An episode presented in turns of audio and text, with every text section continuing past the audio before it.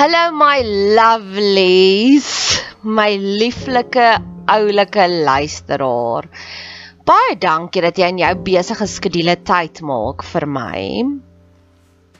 As jy meer inligting wil hê, gaan soek my op Bet Seber op Facebook, TikTok, Instagram, maak kontak as jy wil.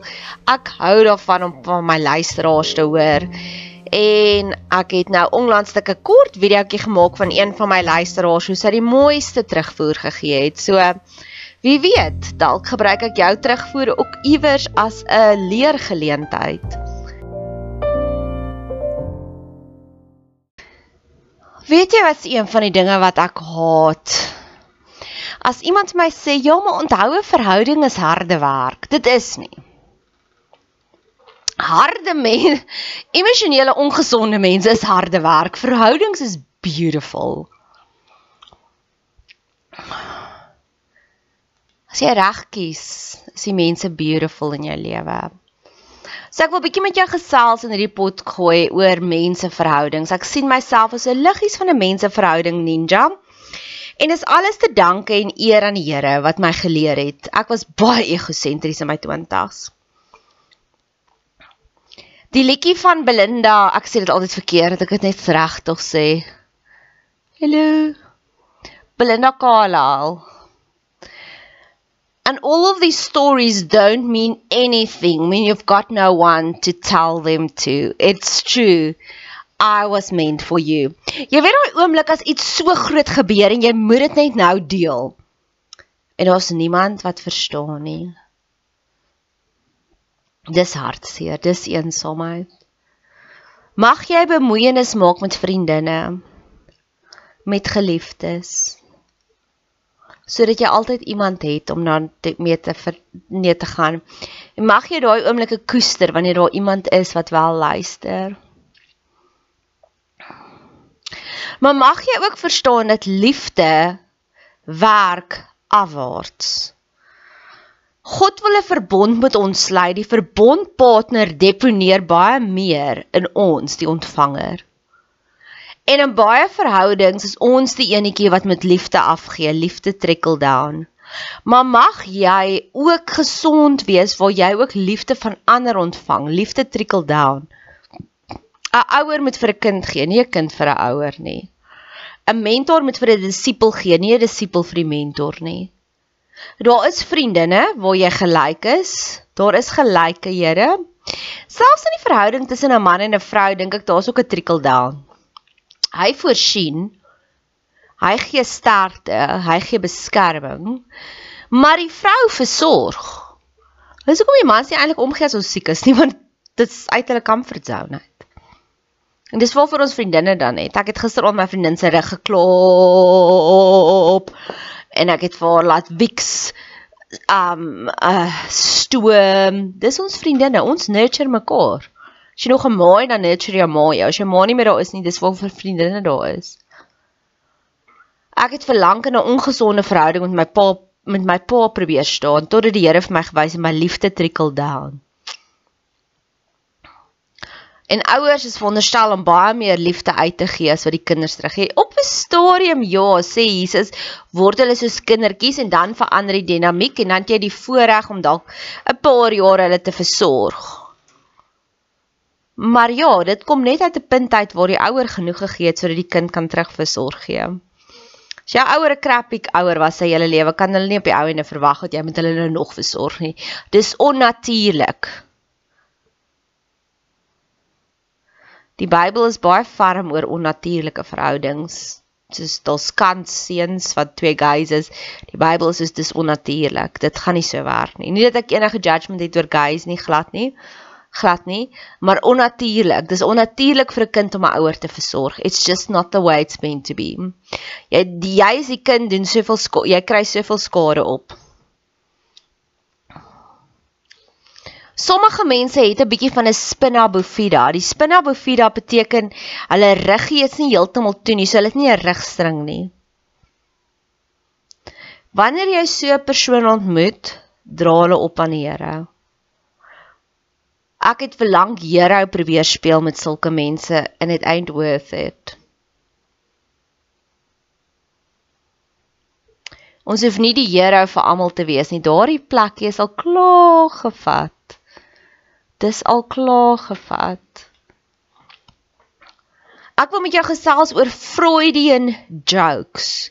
Dit is nooit oukei okay nie. Freudian jokes is wanneer iemand daardie onder die bel seksuele grappies met jou maak en hy's nie jou seksuele partner nie. Dis nooit oukei okay nie. Ek het vir lank dit gevat en dit geakkommodeer enige iets onder die bel. Praat van menstruasie grappies, panty grappies, bra grappies, watter ook al grappies. Dis nie oukei okay nie. Jy mag sê nee, dankie, ek wil nie meer speel nie en 'n beraader het dit vir my uitgewys. Ek het in die jare het ek 'n konsep gesnap en dit het vir my soveel beteken. Ek het op 'n stadium ek vat baie lank voordat ek iemand vertrou. Ek kyk jou goed uit, maar as ek jou eers vertrou, dan sal ek 3 keer in my lewe deur die sewe oseane vir jou swem ek's 'n feeslie loyale mens, maar die probleem is as iemand uit jou lewe uitstap, maak dit my seer. My hele liggaam gaan in rou in. Ek het 'n refleksioloog wat wakker genoeg is en ons het al verskeie dinge, soos daar was op 'n stadium wat ek so 'n bietjie 'n longprobleem gehad. Ek het so 'n bietjie van 'n hoesie gehad in die middel van die aand. En ek was nie siek nie en toe het sy gesê, "O, dis rou."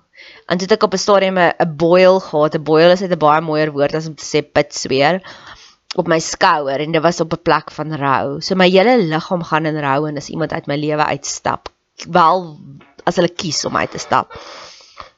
En ek het baie hard daarvoor gebid om te sê, en toe ek dit een keer in elementary, het ek dit opgetel wat hy gesê het hy sal iemand trade vir 'n tic-tac. En ek het tic-tacs afgeneem, daai goedkoop sweetjies. En ek het gesê, Here, laat ek die mense wat in my wentelbaan val val holding them as loosely as a tick tek. En laat U hierdie leemte kom vul van my. Filippense 4:19 sê God sal al die leemtes vir ons vervul.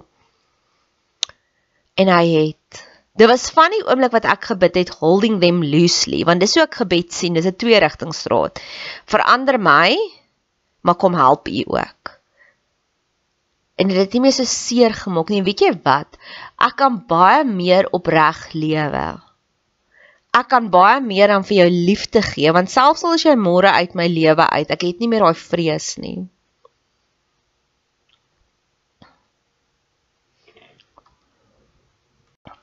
Ek het vir 'n lang ruk gewonder oor hoekom speel mense speletjies met mekaar. Jules sing ook daarvan van these foolish games of mense wat hard to get speel. Ek hou nie van mense wat speletjies speel nie. Alhoewel ek van speletjies hou, hou ek nie daarvan as mense speletjies speel Russian roulette met jou emosies nie. En ek het vir lank daaroor gewonder en ek het hierdie quote ontdek van Albert Einstein.